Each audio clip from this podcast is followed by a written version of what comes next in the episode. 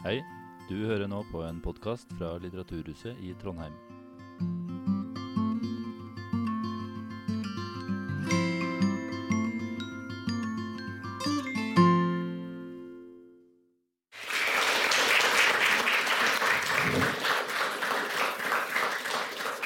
Ja, Karianne. Det er jo ca. ett år siden du og jeg var her på Litteraturhuset sist. Og du lanserte da brakdebuten 'Jeg gjet før jeg kjem'.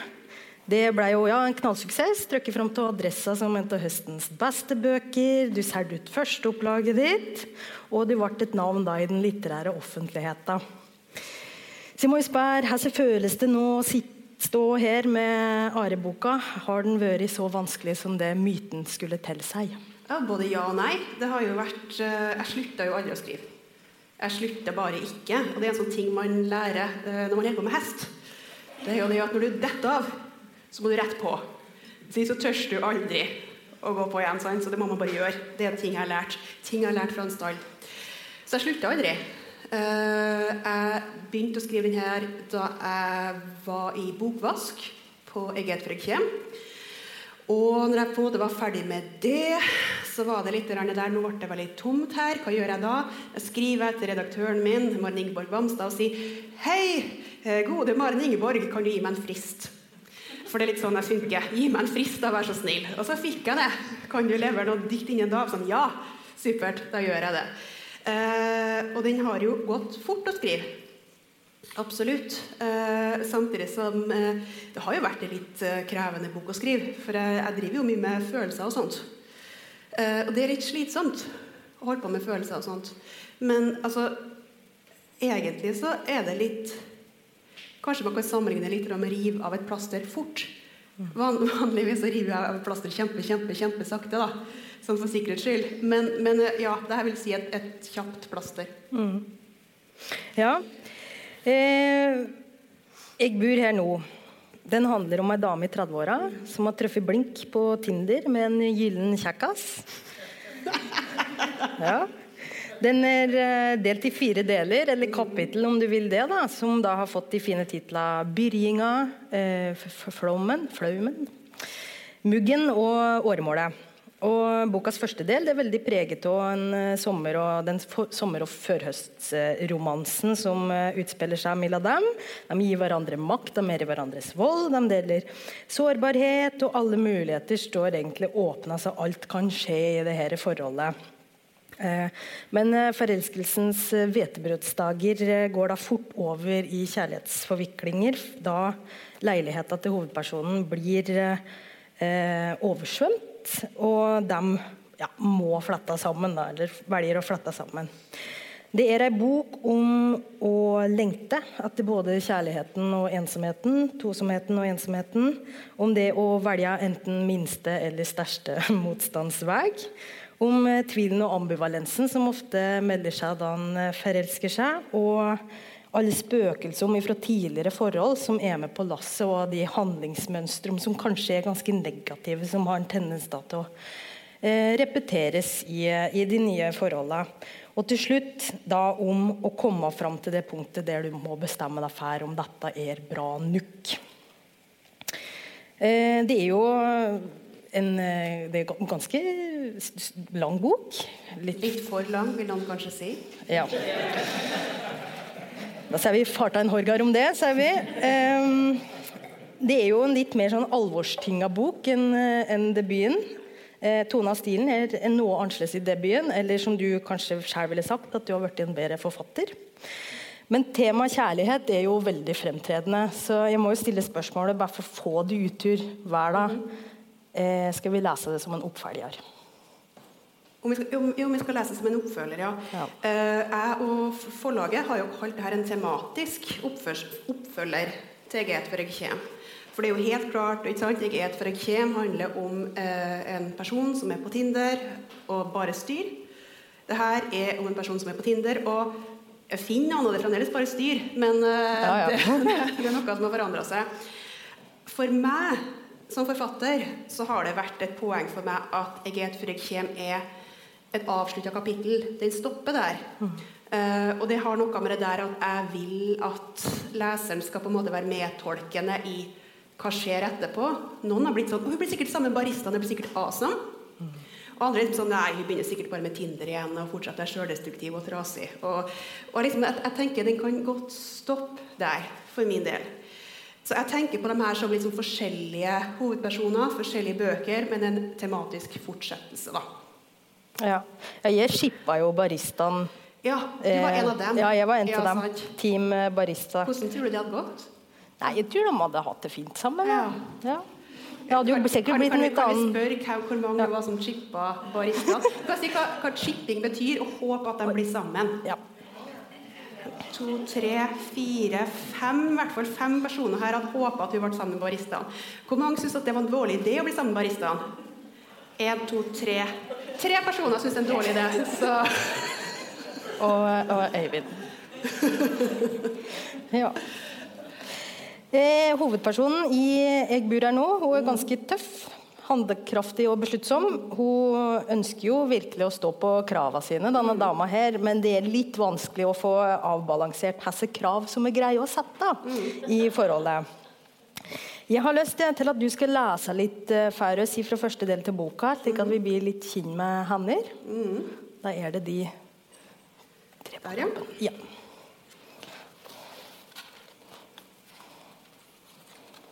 Heimen. Jeg bygde noe alene. Noe jeg ikke trodde jeg kunne. Jeg bygde meg en heim, alene med katten. Et storverk i sokkel og strie. Så kom du, inn i dette, inn til meg. Inn i noe nær heilagt jeg hadde bygd sjøl.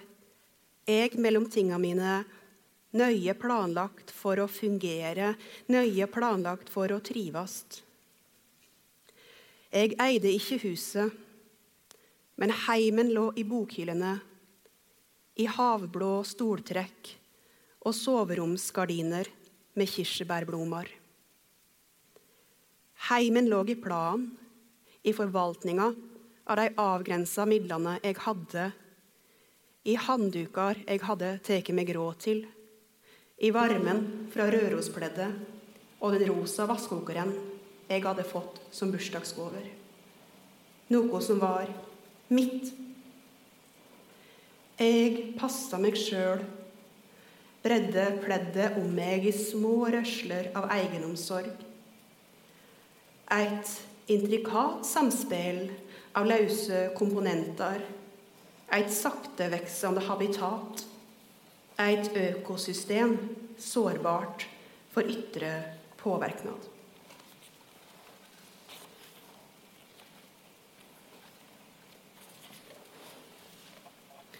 Ha i hus. Slipper en noen inn, har en òg ansvar for deg. Jeg tenker på at du kanskje er sulten. At du kanskje vil se noe på TV. At du kanskje egentlig ikke vil se på TV. At du kanskje synes at jeg ikke har rydda nok, at musikken er for høy, eller kanskje for låg, eller at du kanskje ikke liker sånn musikk i det hele. Vil du ha te? Vil du ha pledd? Vil du høre om en artig ting som skjedde i dag? Det ligger ei uro i varmen. Det ligger en varme i uroa. Trives du? Sikker på at du ikke vil ha te? Jeg skal ha sjøl òg. Det er ikke noe styr, altså. Det går helt fint. Men det er styr. Det er alltid litt styr, sånn helt ærlig. En dag kjenner jeg noe annet. Ei kjensle som ikke kommer fra meg. Ei mjuk ro breier seg fra sofakråa, utover stua, gjennom meg. Der sitter du.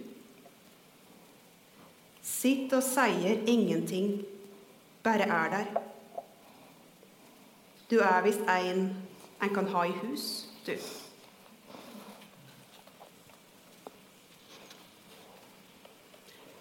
Punktet.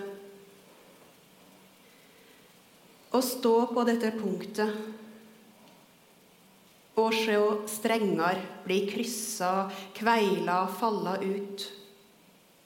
alt som er, og alt som blir og ikke. Vi kommer til å gifte oss. Vi kommer til å gå fra hverandre. Vi kommer til å gifte oss og gå fra hverandre.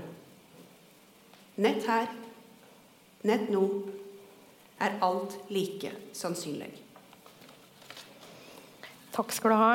Eh, her blir vi kjent med ei dame som er veldig opptatt av å verne om heimen sin.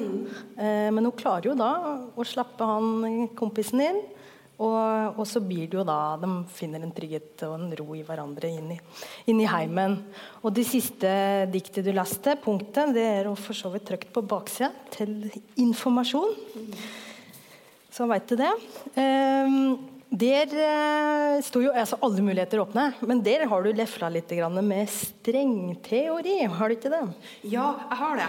Um, og uh, jeg vil gjerne skrive litt om strengteori, fordi jeg ikke forstår det. Men så vil jeg gjerne kan vi rekke opp hender igjen. da. Hvem er det som forstår strengteori? Nei. Nei, men det, det, er kjempekomplisert. Men det er jo denne tanken om ikke sant, alle disse mulige dimensjonene de, de mulige universene. Eh, tanken om parallelle univers.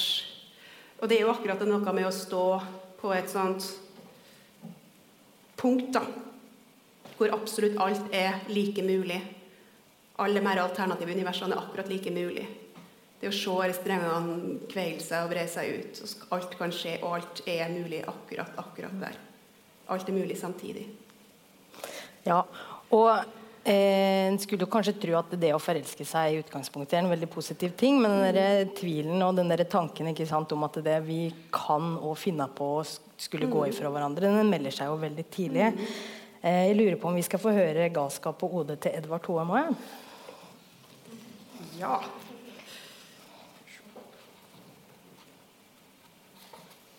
Galskap Jeg veit ikke hva jeg skal gjøre, om det er trygt å elske deg slik. For galskap er å gjøre det samme en gang til og vente et annet utfall, sier Einstein. Det er bedre å elske og miste enn aldri å elske det hele, sier Seneca. Men er det det? Og er jeg da dømt til å bare få det ene jeg hadde, men mista. Hvis å prøve på nytt er galskap. Bedrevitarar fra bakomgrava, daue gamle menn som vil fortelle meg hva jeg skal gjøre med min kjærleik. Nei.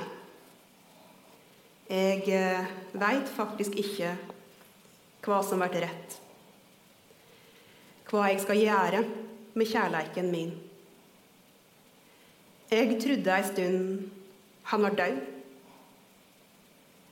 Nå er han her, er her til gangs. Jeg er redd han kan være forandra. At han har gravet seg sjøl opp igjen fra en dyrekirkegård.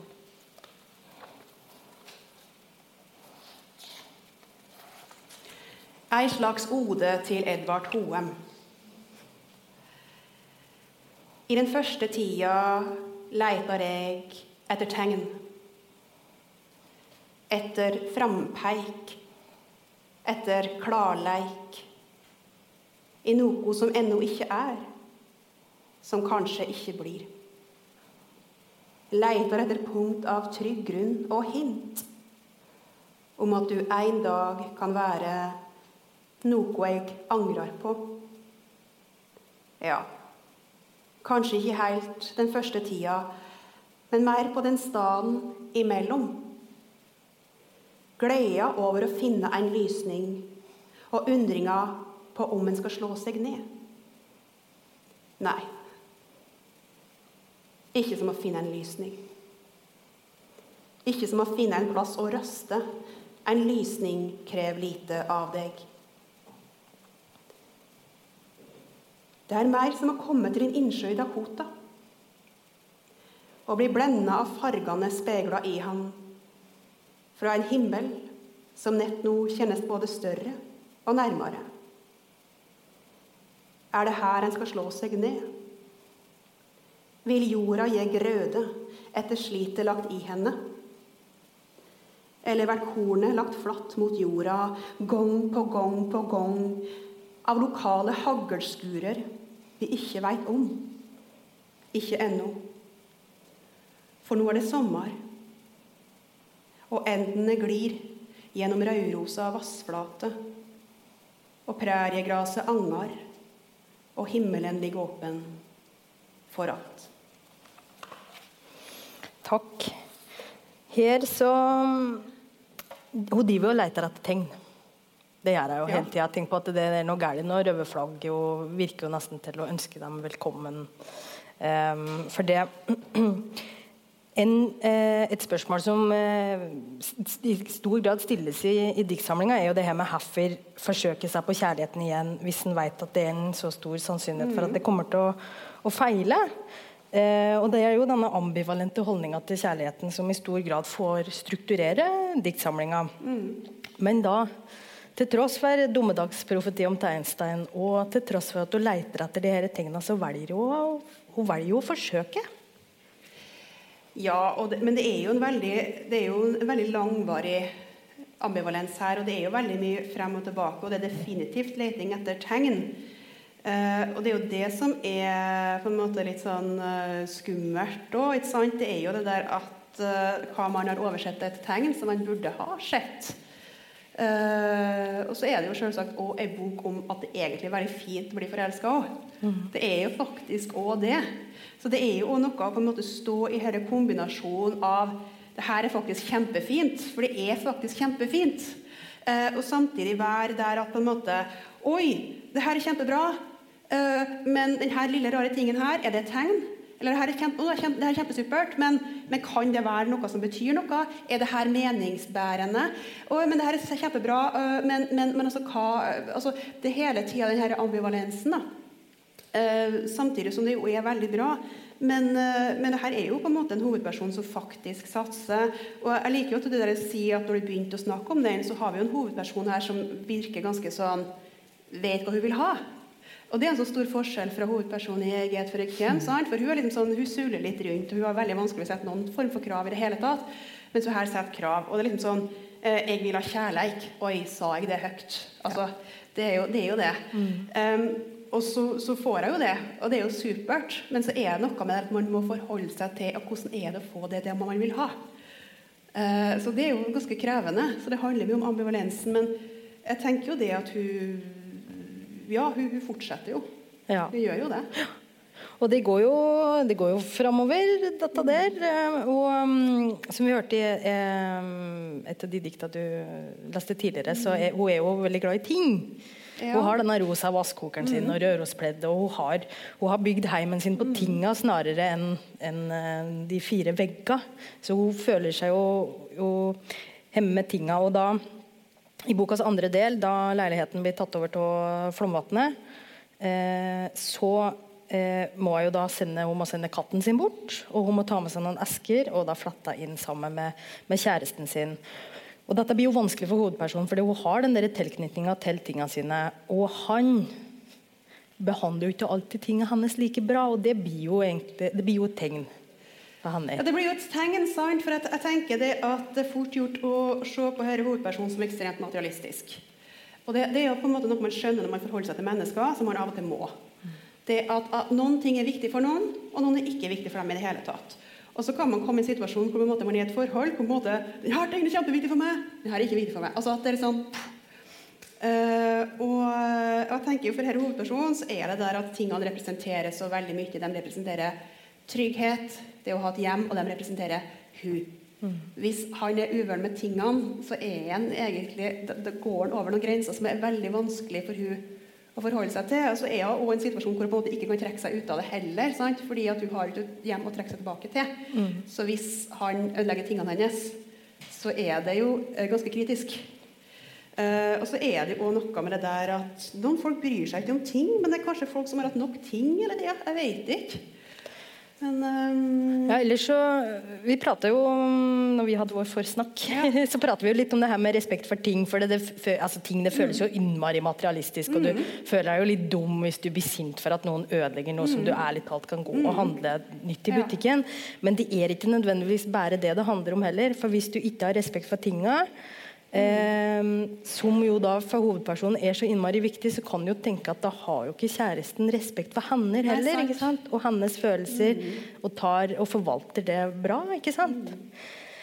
Um, og den katten. Vi må prate litt om katten. ja, det må vi gjøre. Ja. Ja. Ja, for katten eh, går jo at hun har jo bygd seg en heim med katten. Eh, og da katten var liten, så um, Det er et dikt i boka der katten da, Nå bare parafraserer jeg diktet. Eh, han eh, hopper ut på taket og detter rett og slett ned, for han får ikke satt kløra i skiferen. Og hun bor jo flere etasjer opp. Ser jo katten ute på taket, løper ut. Eh, Veit at hun ikke kommer til å klare å fange katten i lufta. Jæsklig spent på her dæven som har skjedd med denne katta den lander. Men den har det jo fint. Eh, så hun bærer med seg pusen opp igjen. Pus ut av vinduet, skal prøve på nytt. Ja. Og det, det er sånn teit ting katter kan gjøre.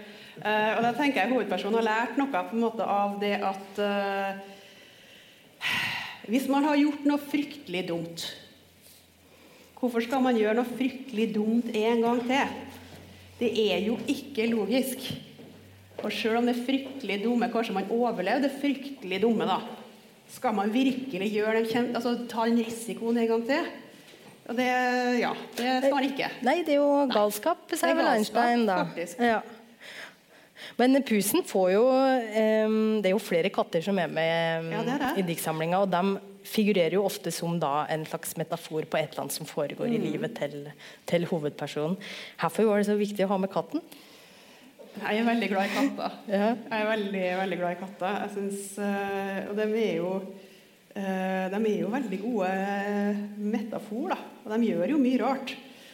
Så nei, nei, kanskje jeg bare ville ha med katter for at jeg liker katter. Det er sikkert, sikkert er så mye dypere enn det, egentlig. Nei, jeg liker katter Ja. så jeg har kost meg med kattedikt. Ja, artig. Eh, vi skal få høre et eh, kattedikt etterpå som jeg setter veldig pris på. Men det er å foregripe begivenheten. For nå eh, befinner vi oss litt i andre del.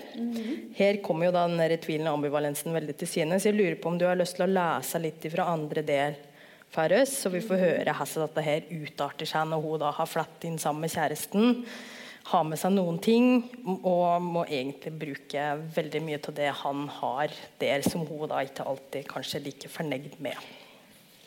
Skal vi se. Hval. Jeg skulle så gjerne ha valgt deg. Valgt deg, valgt heimen vår. Våre rosa og fluffy og forelska. Fantaserte om det som skulle komme.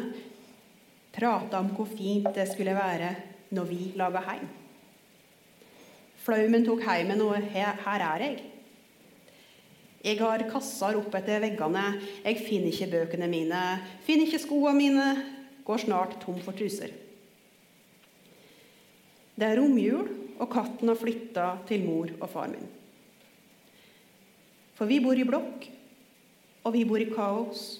Og ingen har rundere øyne enn den katten. Som en mjaua mens vaskatten nærma seg, så på meg som om jeg kunne løse dette stakkar kattepus. Han må ha mjaua før vi, vi merka vannet. Vi lå med soveromsdøra lukka. Vi må ha ignorert han. Masekatten, stakkars katten, stakkars katt. Og jeg vil ikke tenke på det, så jeg tenker på det hele tida. Og når jeg lukker øynene, ser jeg vann som fosser fram fra kjøkkenskapet. Vann jeg ikke kan stoppe. Og det bare holder fram med å komme. Det har ikke slutta å skje i meg. Somme ganger pakker jeg ut av en kasse. Somme ganger græter jeg. Ofte skjer dette samstundes. Jeg bor her nå. Budd. Jeg var ikke budd. Jeg ville rope til livet, jeg var ikke budd. Jeg har nett varma hjerte og hjerne, så de ble mjuke, fleksible nok til å åpne seg for en annen. Det er seig naturleire, dette, som krever arbeid, som trenger tid for å kunne bli til noe annet. Nå har jeg knadd som en helt, så kommer livet og sier 'Her fikk du samboer'. Men livet, livet Hører du ikke hva jeg sier? Jeg er ikke budd. Slett ikke klar. Du veit at jeg ikke er så fleksibel. Trenger jeg minne deg på dette livet? Trenger jeg virkelig det?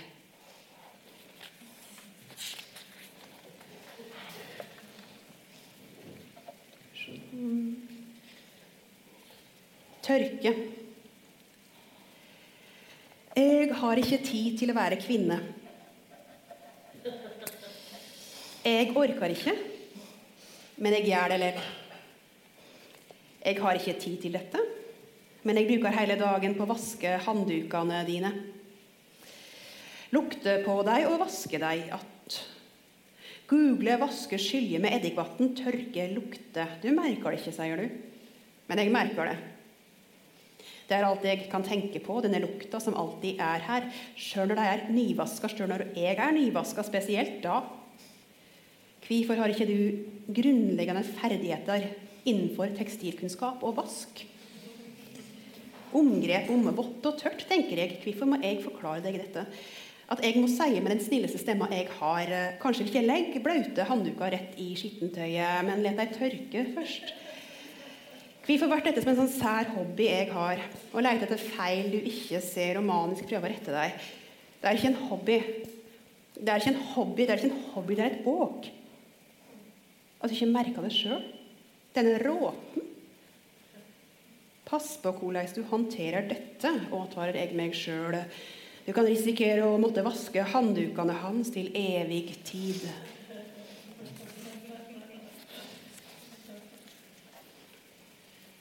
Laglegg. Der står du. Så laglegg til for et hogg, så eg høgg. Høgg til som eit villdyrgjerding. Nei, ikke som et villdyr. Jeg høgg til som et tamdyr. En golden retriever som plutselig bit. Jeg høgg til, og du vert så redd for jeg har så snille øyne.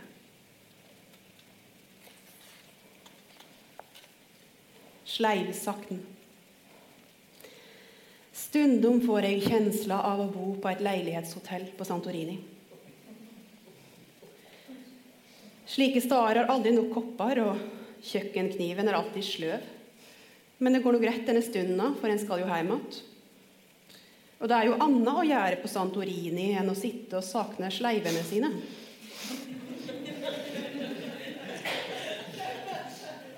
Jeg sakner sleivene mine.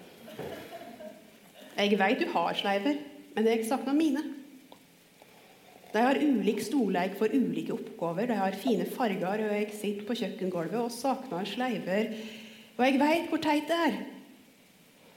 Men jeg sakner alt jeg ikke har. Jeg sakner alt jeg ikke finner. Jeg er gjest her, og jeg skal ikke hjem. Takk.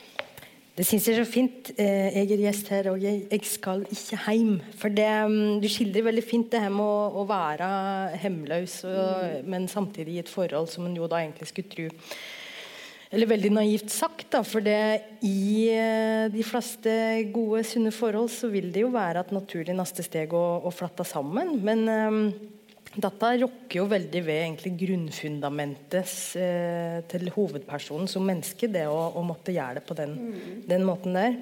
Og i den, eh, i den, delen her så er det ganske sånne kjappe kast mellom elsk og hat og kjærlighet og irritasjon. Hun er eh, redd for at han skal gå, samtidig som hun sjøl går på veggen. Um, og Vi har prata litt om det her med forholdets status i samfunnet. Mm. For vi ønsker oss jo kjærlighet. Uh, men samtidig så uh, har jeg hørt på TV at uh, skilsmisseraten i Norge ligger vel på omtrent 50 mm. faktisk. Så vi går jo, og vi forlater jo fryktelig mange forhold. Avslutter dem. Um, fokuserer vi mer på det vi kan tjene på å være i et forhold, og så er vi ferdige til å holde regnskap? Er det de tinga som er problematiske? Oi. Her, Ja. eh, nå, nå skal jeg komme på med svar på veldig store Ja, spørsmål. men her. når du har skrevet to bøker om kjærlighet, Ja, ja, ja, ja. eh, Karianne altså, det, det, Da blir jeg jo satt til Ja. verks her. Jeg, ser jo det. Ja, nei, altså, det, det er jo en del på en måte, kritikere av, av på en måte, tida i dag som er litt innpå der, sånn, denne tanken om uh, 'what's in it for me'. At man kan se veldig på hva som gagner en sjøl. Samtidig så er det jo helt idiotisk å være i et uh, dårlig forhold. Og det er jo det som er sånn der absurde greia, det er at man vet på en måte samtidig Selvfølgelig, Vi har det med parterapi og, og eh, alle nettressursene, alle podkastene, bøkene, Sissel Gran altså det med, det med kjærlighet sånt, er sånn i vinden. Alle bryr seg om det. Så på en måte på den ene sida så har man jo det der at man vet på en måte at man må gi og ta. eh, og, og man på en måte må kunne støtte hverandre og alt det der. Eh, og vite at mørke dager går over. Og samtidig så man, vil man jo ikke være i et dårlig forhold, for det er jo dumt. Så, så, så hvordan vet man på en måte hvor, hvor grensa går da, fra en person som ikke prøver nok, til en person som prøver for mye? På feil ting, da. Uh, og jeg tenker, Det er jo noe selvfølgelig om det må være i et forhold, men jeg tenker og denne boka her handler kanskje mest om å gå inn i et forhold, for da vet man ikke fasiten. Da vet man ikke fasiten. altså Hvis fasiten, hvis du vet mange år frem i tid, så vet du at å ja, dette paret gifta seg, og det gikk helt fint, og de er fremdeles sammen. Eller dette paret gikk til helvete, og man burde skjønt det allerede da. altså Det er noe at man forstår på en måte tida ut ifra når man har fasiten. Og da kan det være veldig fort gjort å sitte og på en måte være i et sånt nåtidspunkt da, og lete etter hva som kanskje kan være tegn på at noe er galt. Eh, Så må man jo tenke ja, eller når skal, når skal man være raus, og når skal man på en måte sette grenser? da? For det er jo også veldig sånn i tida at man skal man skal ikke finne seg i alt mulig rart. ikke sant? Man skal øh, Og det, det tenker jeg jo òg det, det finnes jo òg mennesker som har veldig vanskelig for å gå inn i forhold. Altså At de på en måte går sånn fra, fra partner til partner. altså at Går hver gang det blir litt vanskelig. Skaffe en ny partner. Og det, Sissel Gran snakker jo om det der, og at en del folk nå for tida som har veldig problemer med det her med nærhet. da. Det å faktisk forplikte seg til noe, faktisk gå inn i noe. Faktisk ta en andre date. Faktisk ta det videre. altså Det trenger ikke være kjempeforpliktelser med en gang, men bare det å på en måte være her, nå, finne ut hva dette her er. Ha nok ro på seg til å finne ut det, og kanskje, kanskje det er- finne ut av misforståelser, eller, eller hva som foregår, da.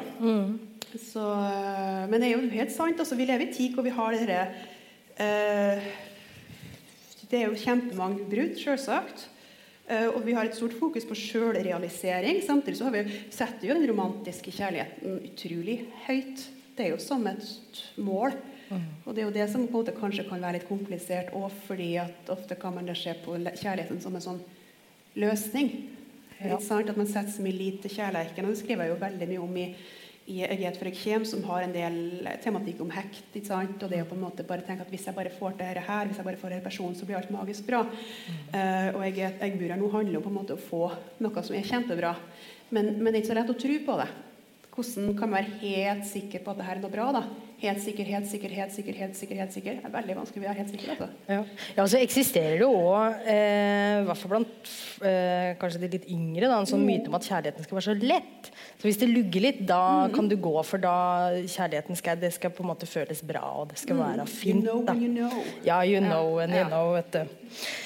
Um, og dette her med mørke dager Jeg tipper at det er jo nok eh, Det har sikkert vært ganske fullt på parterapikontorene rundt omkring under koronatida, for det er nok mange som har måttet Ja. jobbe med parforholdene sine.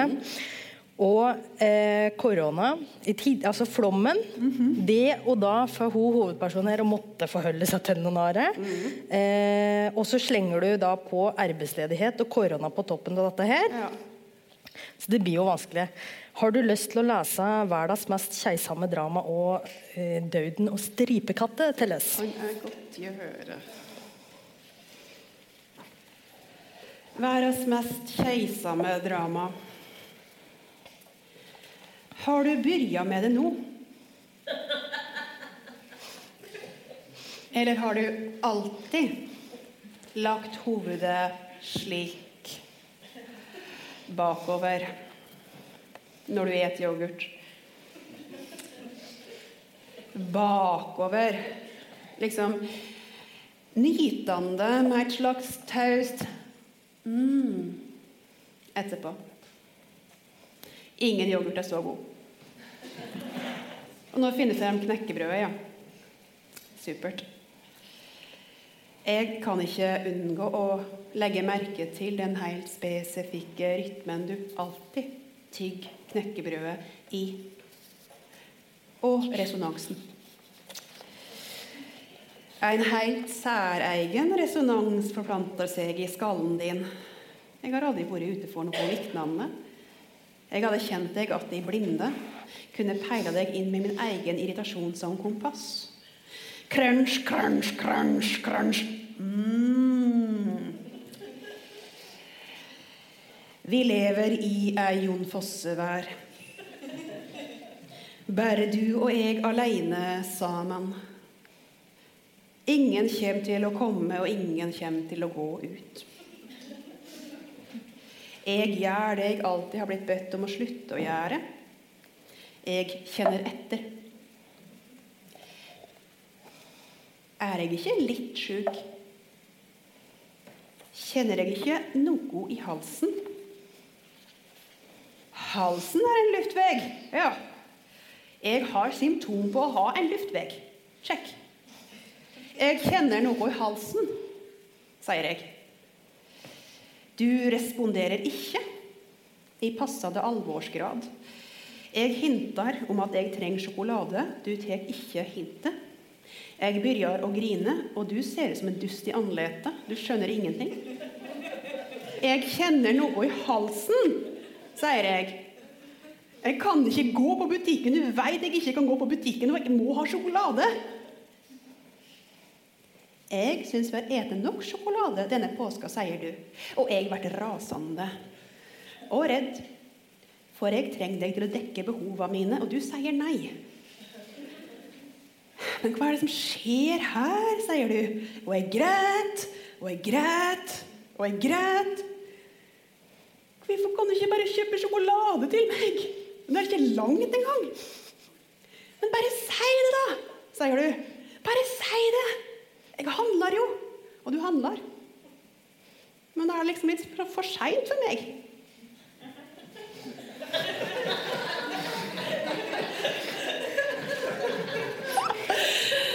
Noen må stoppe oss før dette blir Strindberg.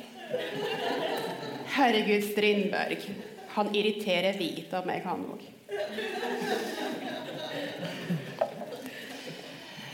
Dauen. En av disse kveldene erklærer jeg høyt og tydelig at jeg dør. Fortell deg nett hvor akutt dette tilfellet er, og at jeg neppe står det over. Vi har strømt alle foredragene til Nasjonalbiblioteket. Vi har gjort to digitale pubquizer i veka.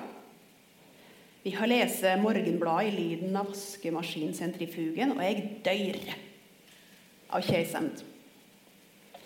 Du tolker dette i verste mening, sjølsagt. Sjøl i beste mening er dette vondt å bære. Jeg går på veggen, og den veggen, den er din.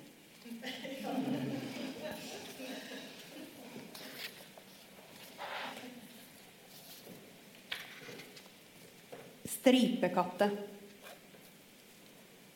Om dagene går jeg til Ladefjæra, snur, går heim att over Lilleby. Er jeg heldig, møter jeg stripekatta. Hun bor her mellom meg og sjøen. Har du verdens fineste pysj? spør jeg hver gang jeg møter henne, og svarer på det sjøl. Er jeg ikke heldig, treffer jeg ingen og har ingenting å fortelle deg når du kommer hjem. Takk skal du ha. I eh, tredje til boka så blir jo da denne leiligheten eh, overtatt av mugg. Så de må, må flette. Nuk ei utfordring i det her forholdet som Eh, som jo for så vidt er Det jo enda ganske ferskt, da, oppleves det som. ikke sant? Og det er jo det er jo noe med at når hverdagen kommer og banker så tydelig på at en får se en får jo sett alle sider til partneren sin eh, på den måten der. Og um, de det er to folk som føler mye. Ja. Ja. Og de føler jo da, altså de her følelsene som her er du skriver multipliseres i sånn uendelig ekko, for de bare forsterkes av Ja. hverandre. Eh, så det er jo ikke alltid like god plass eh, åt dem begge to. Men nå har vi jo hørt veldig mye fra det som eh, kanskje er litt kjett og trist og vanskelig. Eh, det er jo ganske mange utrolig fine øyeblikk som er skildret i, i diktsamlinga òg. Og det er jo òg noen utrolig fine øyeblikk som oppstår i denne nomadetilværelsen deres, som jo antagelig kun oppstår fordi de er på på flatter ifra bolig til bolig og da er de er på, på hytta på et tidspunkt. Så jeg lurer på, Har du lyst til å lese noe søtt? På Ja. side 133 til oss. 173.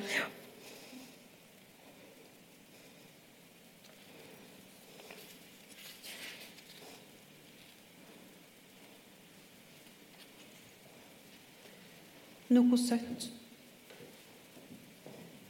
Vil du se noe søtt? hvisker du.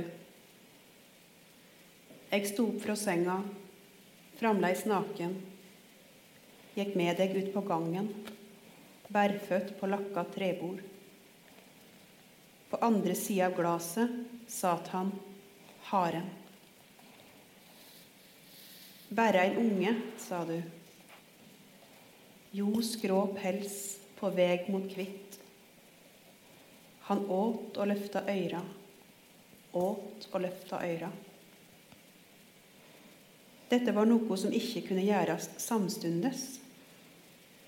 Øyra måtte ligge nede langs hovedet, mjuke, når han åt, men settes rakt opp på hovedet når han væra væra omkring seg.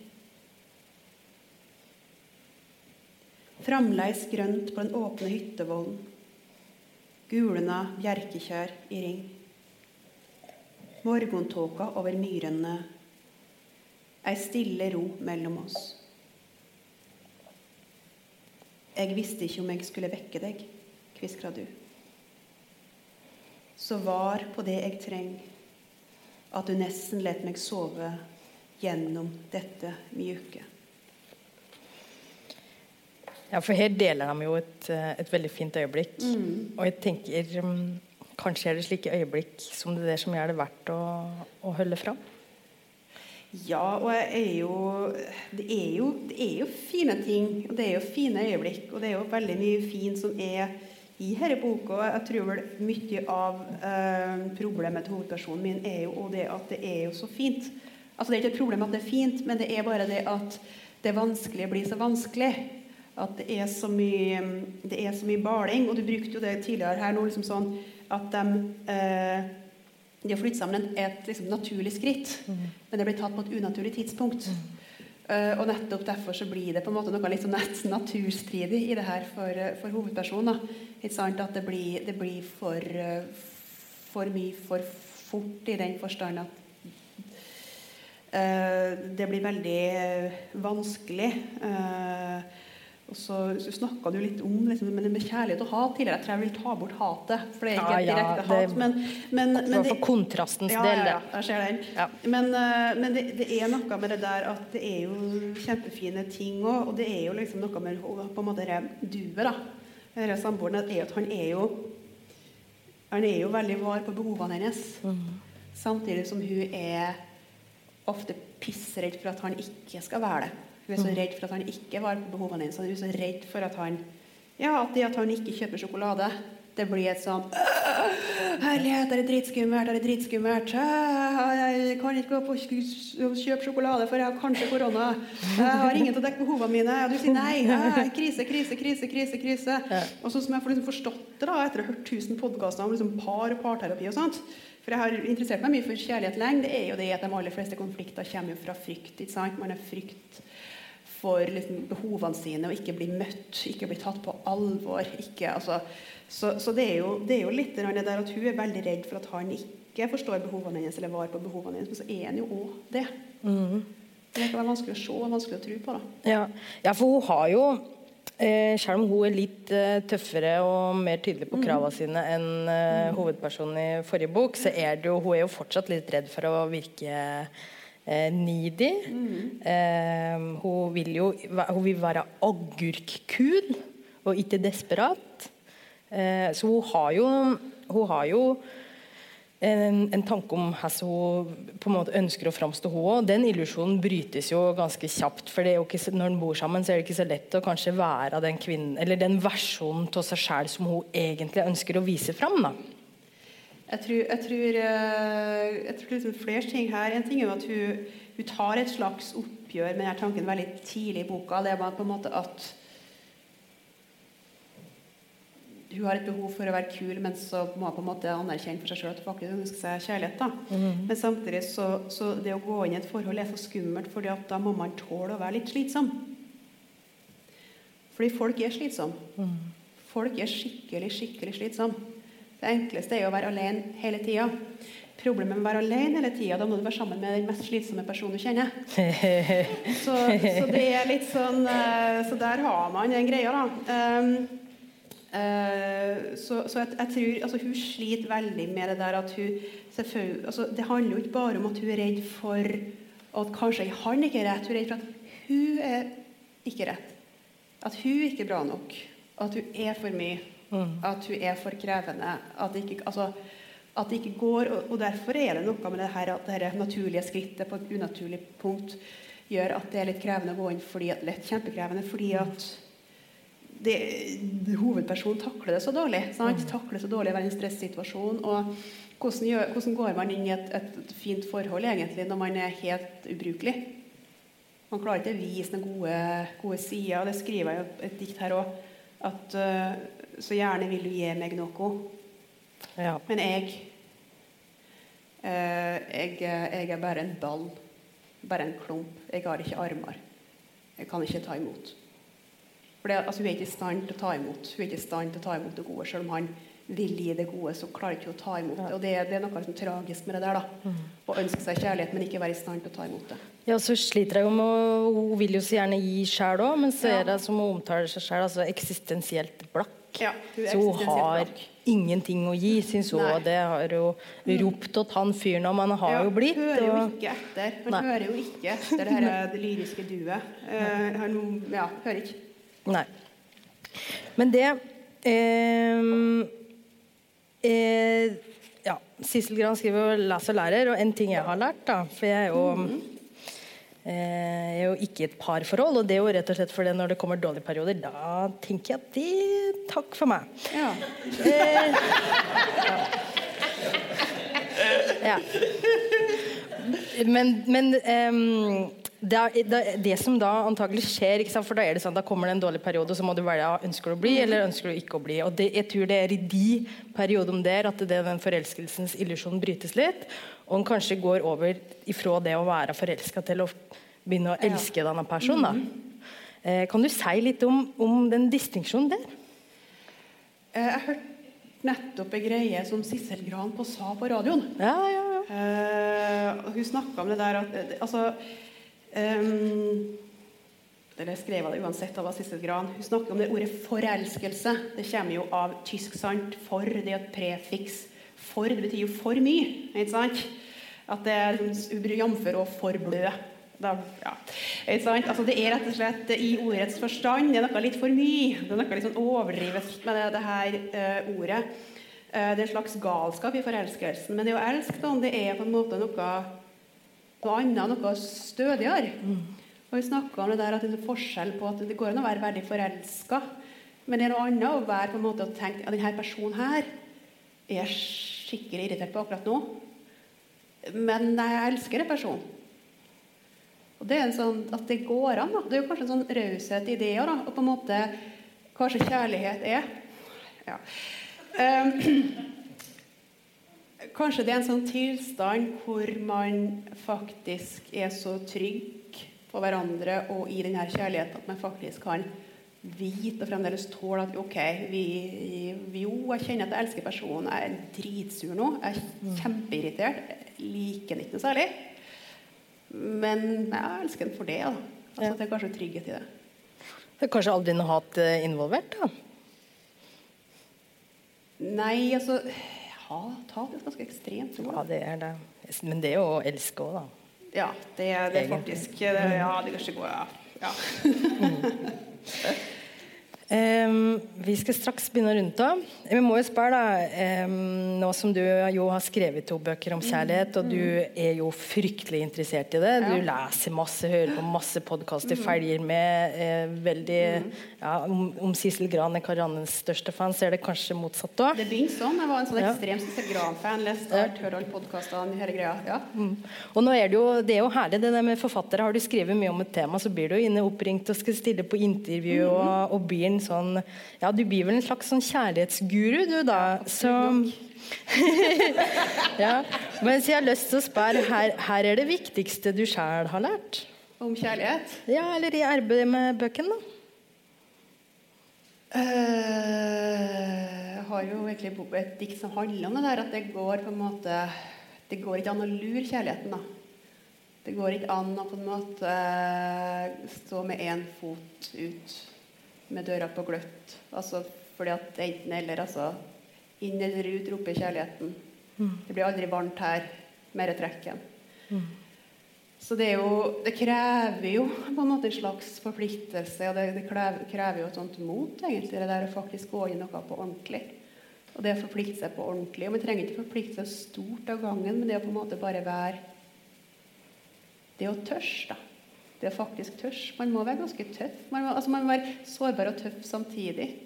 Altså, Det er sånt ut, øh, verdens største klisjeer. Det er bare, bare klisjeer, men, men liksom, jeg tror kanskje jeg har vel funnet ut at det er sant, da. Klisjeer mer eh, sanne. Ja. En, del, en del av dem er faktisk sant. Det, Men, uh, men ikke, ikke, ikke, ikke tro på det, sånn, det som ikke dreper deg, gjør deg sterkere. Nei, det kvester deg for livet. Dere hørte det her først. Men er det da sånn if, if you know it, you know it? Uh, det det Jeg jeg jeg jeg vet ikke, Siri. Hva, hva, hva, tenker du om den? Eh, nei, det har jo, det har jo ikke funka så bra hittil, da. Nei, men nei. Det, men du, er- du er veldig, veldig ung, Siri. Ja, jeg er det. det. Vel, eh, Enslig nevrotisk kvinne i 30-åra. Skal Er det være her en kontaktannonse?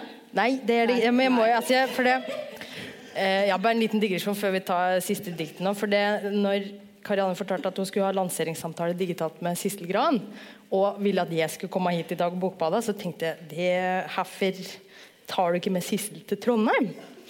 Og så sa Karianne det at ja, men du har forskjellige innfallsvinkler. Sissel er psykolog, og så Og jeg, da? Ja, nei, enslig kvinne i 30 år. Så Det er òg en kompetanse. det er en kompetanse. Det er jo faktisk det. Men vi kommer jo ikke unna humoren i denne boka heller. Eh, takk og lov for det, da, får jeg si. Eh, selv om den er litt mer alvorstynga enn en ferje, så har du noen helt herlige dikt med utgangspunkt i ganske så hverdagslige bemerkninger eller situasjoner, som med din penn da framstår ja, eller noe sånn absurd, i hvert fall for meg som leser. Eh, men det er jo skrevet med et kreativt overskudd, og det er veldig sånn gjenkjennelige situasjoner. Eh, og det jo, kan jo være litt eh, ubehagelig å konfronteres med innimellom. For vi, som mennesker mener jeg bare en stor vandrende selvmotsigelse, egentlig. Eh, og det skaper jo mye artige situasjoner. Og det her diktet som eh, jeg skal be deg lese nå, det har blitt en av mine favoritter fra samlinga.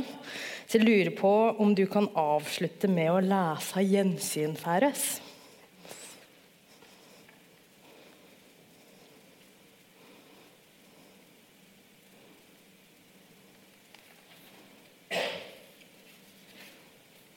Gjensyn.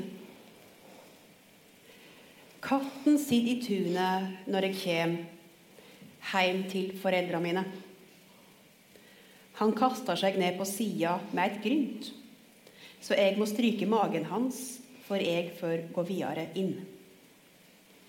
Jeg ser at han kjenner meg, ser at han trives, Bedre her enn hos meg.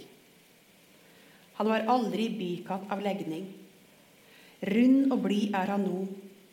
Har lært nye triks, sier mor mi. Nå går han på bordet. Det kom han ikke på før. Du verden, sier jeg. Ja, vi trener hver dag, sier hun. Jeg har sett eh, på ho hundetreneren på TV. Hun søte, veit du. Han får godbit. Får han godbit for å gå på bordet? Nei, han får godbit for å gå ned. Men da må han jo nødvendigvis gå opp først, sier jeg. Ja ja, sier hun, men uh, han sitter jo bare på katteduken. Katteduken? Ja. Duken kattene får sitte på når de ikke får sitte på bordet. Men uh, duken er jo på bordet. Kjære deg. Du trenger ikke forklare meg preposisjonene. Jeg har vært norsklærer i 30 år.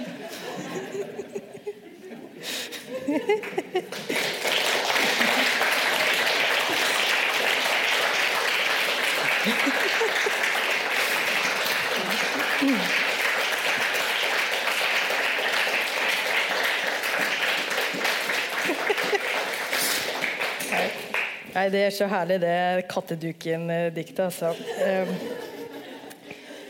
eh, jeg har jo helt glemt å gratulere deg, så gratulerer Karianne med en fantastisk fin bok om eh, kjærlighet. Tusen takk. Eh, det er òg den samtalen med Sissel Gran som har vært ganske heftig referert til. Eh, den ligger ute på internettet fortsatt, og den anbefaler jeg deg virkelig å høre. For de dekker jo veldig mye. Vi har jo det er jo fryktelig mye vi ikke har fått prate om i dag. Men du prater, prater om begge bøkene og masse om kjærlighet. Det er veldig lærerikt og det er veldig fint, så det anbefaler jeg deg å sjekke ut. Inne på Facebooken til Samlaget. Ja. Um, jeg tenker vi uh, åpner for spørsmål fra salen. Da.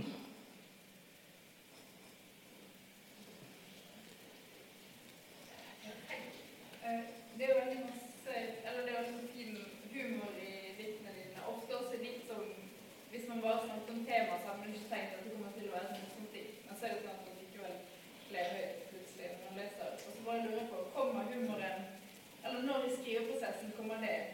Eh, er det morsomme formuleringene når du begynner, eller kommer det liksom etter du har sittet og knadd materien en stund? Når, ja, du snakker om humor, ja.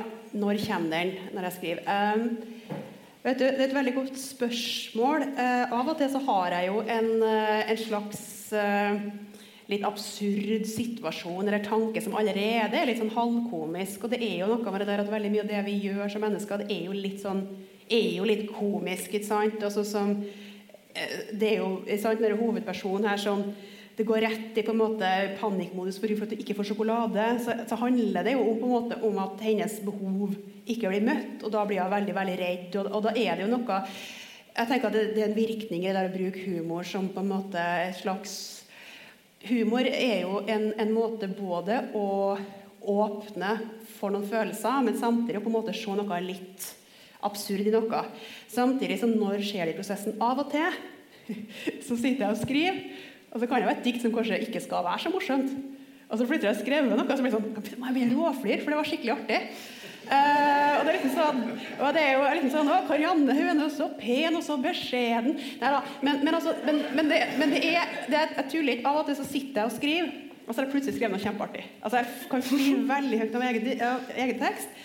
Og, og så, så, jeg tror åh, Nå skal jeg si verdens mest blærete ting. Jeg tror rett og slett jeg er litt morsom. Uh, og så, men, altså, det, men det er liksom men det, det, det, det, er sånn, det, er sånn, jeg tenker, det er sånn jeg snakker, det er sånn jeg forholder meg til verden. ikke sant? Og så på en måte kommer det. Det kommer, det kommer veldig naturlig. Det, kommer, altså det, bare Uh, og det, jeg vil jo si at den, her, den er jo litt mindre morsom enn jeg er for jeg kommer, men det er, jo, det er jo humor i denne her òg. Og for meg er det veldig viktig. Jeg er jo veldig glad i denne balansen, sant? tragedie og komedie. At du på en måte du går den der. der fordi jeg, jeg, jeg, liker veldig godt den effekten. Sant? At du åpner noe. at Hvis du har noe som er humoristisk, med noe litt sårt under, eller du har noe veldig litt sårt, men litt humor altså det, de, de, to dimensjonene på en måte forsterker hverandre. altså Skaper en større helhet. Så det, det, er sånn jeg liker å jobbe, men det er noe veldig prega av sånn jeg er som en veldig morsom person, da. Så sa hun beskjedent. Um, og jeg, jeg, hadde jo ei bokmelding her forleden i Adressa hvor han melderen skrøt om en del ting jeg gjorde, uten å virke kokett. Ja. Jeg vet, jeg vet ikke. Ja. Den blyge fiolen Karanneby Ja. Det, ja. Mm -hmm. um, um, jeg er egentlig veldig beskjeden, altså. Men eh, er det noen flere spørsmål?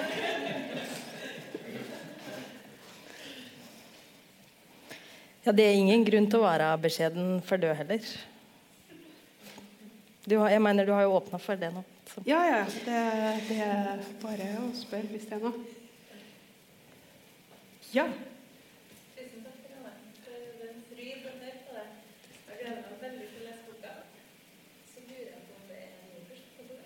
Ja, om det er nye prosjekter på gang. Um, ja, det er, det er Jeg har i hvert fall en slags plan. Jeg har lagd et uh, konsept. Og jeg skal jo fortsette å skrive. Det kommer til å bli så mange bøker.